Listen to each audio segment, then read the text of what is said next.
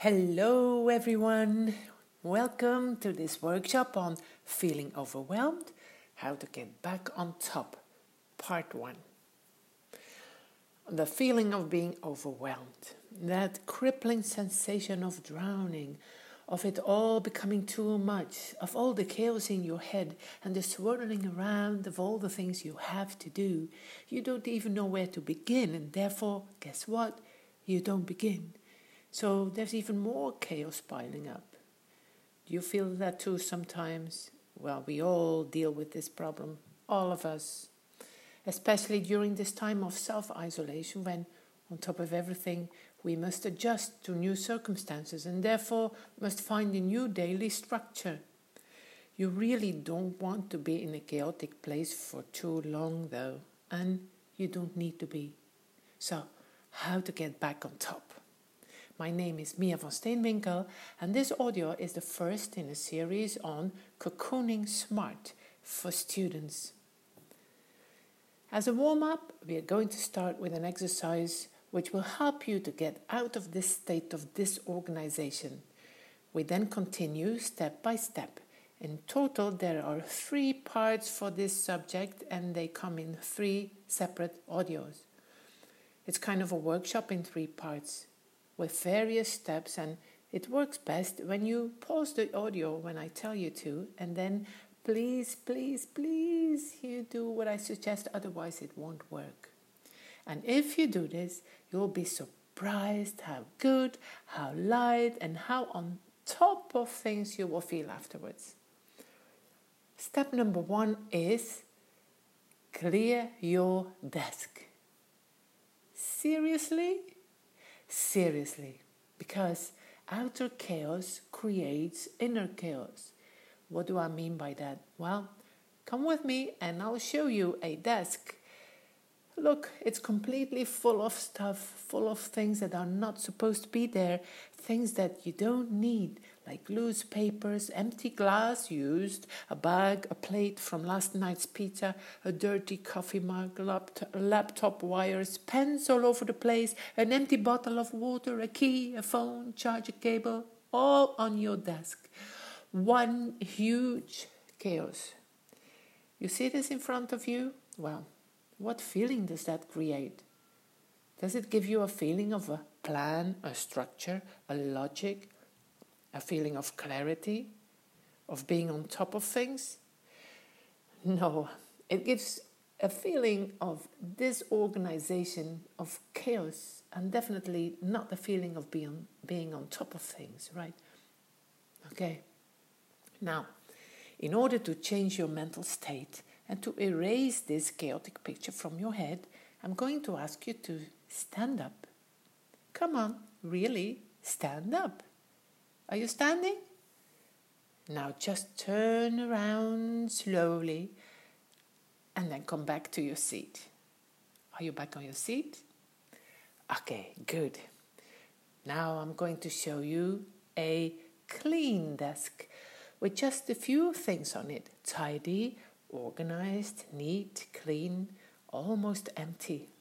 A clean pad of paper, just the one pen, no phone, you see it? How does that make you feel? In which place would you feel less overwhelmed, with the first task or the second?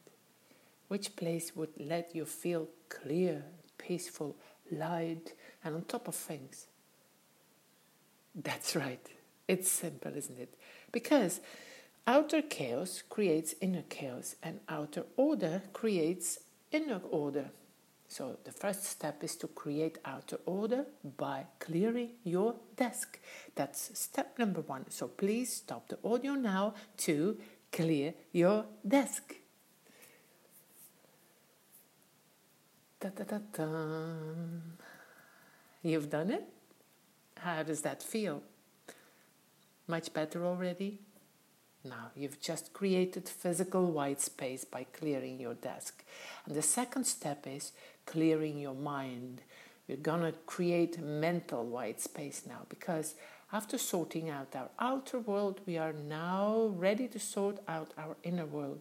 We have to tidy this inner world too because like the, like the desk, if you have too much stuff in your head, it's going to be impossible to slow down and prioritize and actually start getting things done. So, for this part, please grab a notebook, a pencil, and two color pencils or markers, one red and one green, and then come back. You must actually go and do this now, otherwise, you won't benefit from it. Don't think you'll do it later because you won't. Do it now, and you will be surprised how much that helps you to feel light and ready to get things done afterwards. Stop the audio. I'll wait. Ta-ta. You got all that stuff? Okay, good. Now you're gonna write down as quickly as you can everything that comes up in your mind that you think you should do the coming week. Don't stop and write at least one A4 page, five or ten minutes or so. Get it out of your head and onto the paper. Your pen is not supposed to come off that paper. You got to just keep writing until it's all there. You may start this exercise whilst listening to some examples that I'm going to give you first, and then press the pause button when you need to. Meanwhile, you're gonna write your little fingers off, starting now. Write down now, for example, the assignments you have to do, any emails you need to write, the project you have to get done. Maybe you want to sort out the notes of some of your courses. And what about the revisions? Checking Facebook. Yeah, write it down. Everything you are you're going to do, just write everything down that you want to do. Checking the news, reply to your WhatsApps, telephone calls you want to make, people you want to talk to, a Zoom session with your family, exercise you ought to do or keep doing, finishing that book. Or maybe you want to finally organize your room, or playing football, cleaning your bathroom, the shopping you need to do, ordering a book buying a present for someone, spending time with your friends.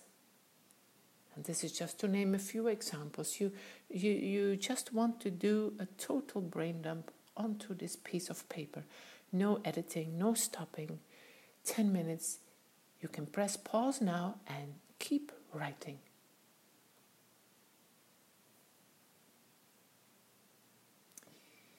Ta-da.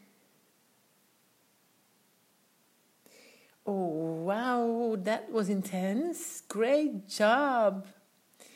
What you've done for this step number two is you've emptied your brain from all the need to do's, which are now secured on that A4 sheet.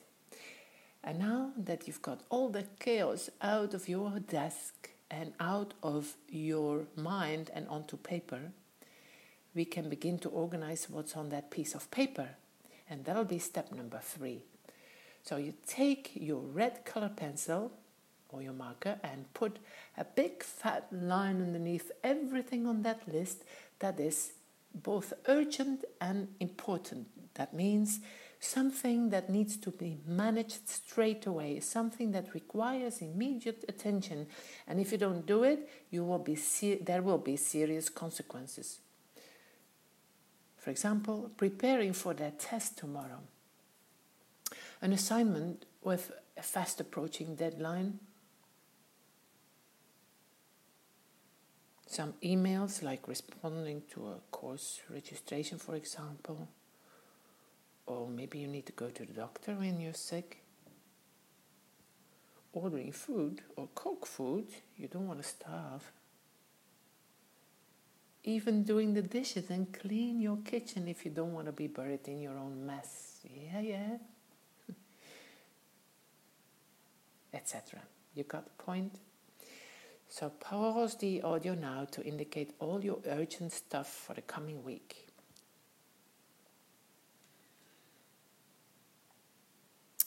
Dun, dun, dun, Yay, you did it! You have highlighted in red everything that is urgent and important. Now, step number four highlight in green everything that is not urgent right now but important to reach your long term goals. So, everything that you'd like to build in this week for growth on the longer term. This is about things usually uh, that usually uh, take time to achieve and might be centered around improving yourself, both mentally or physically, in improving your skills, strengthening relationships, planning for the future. So all these get in green. They get a green color. For example, take your marker. Daily exercise, which is important if you want to be healthy some deep focus study time or revision time every evening. That is important if you want to pass your exams at the end of the term.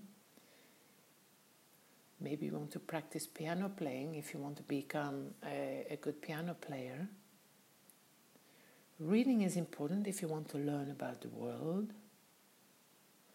Long term planning if you want to stay on, on top of things building some great habits that you find important for your personal development.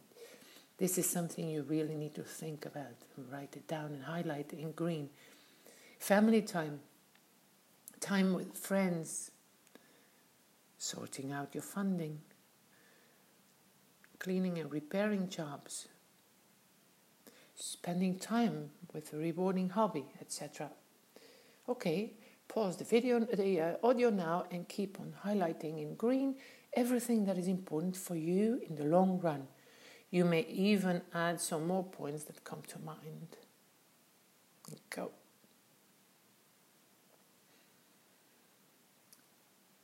Okay, you got it? All green? Well done. So now you've, you've got your list with activities that you've highlighted in red and activities that are in green right? And there will also be activities that don't have a color yet, and that's fine. They will fall into place in the next audio. Okay, what we've done so far, step number one, we cleared our desk to let our mind feel the feeling of order.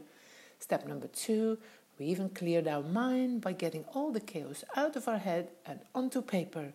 Step number three, we've identified from our list activities which are first urgent and important, these are the red ones, and two activities that are not urgent but important to reach longer term goals, and they're in green.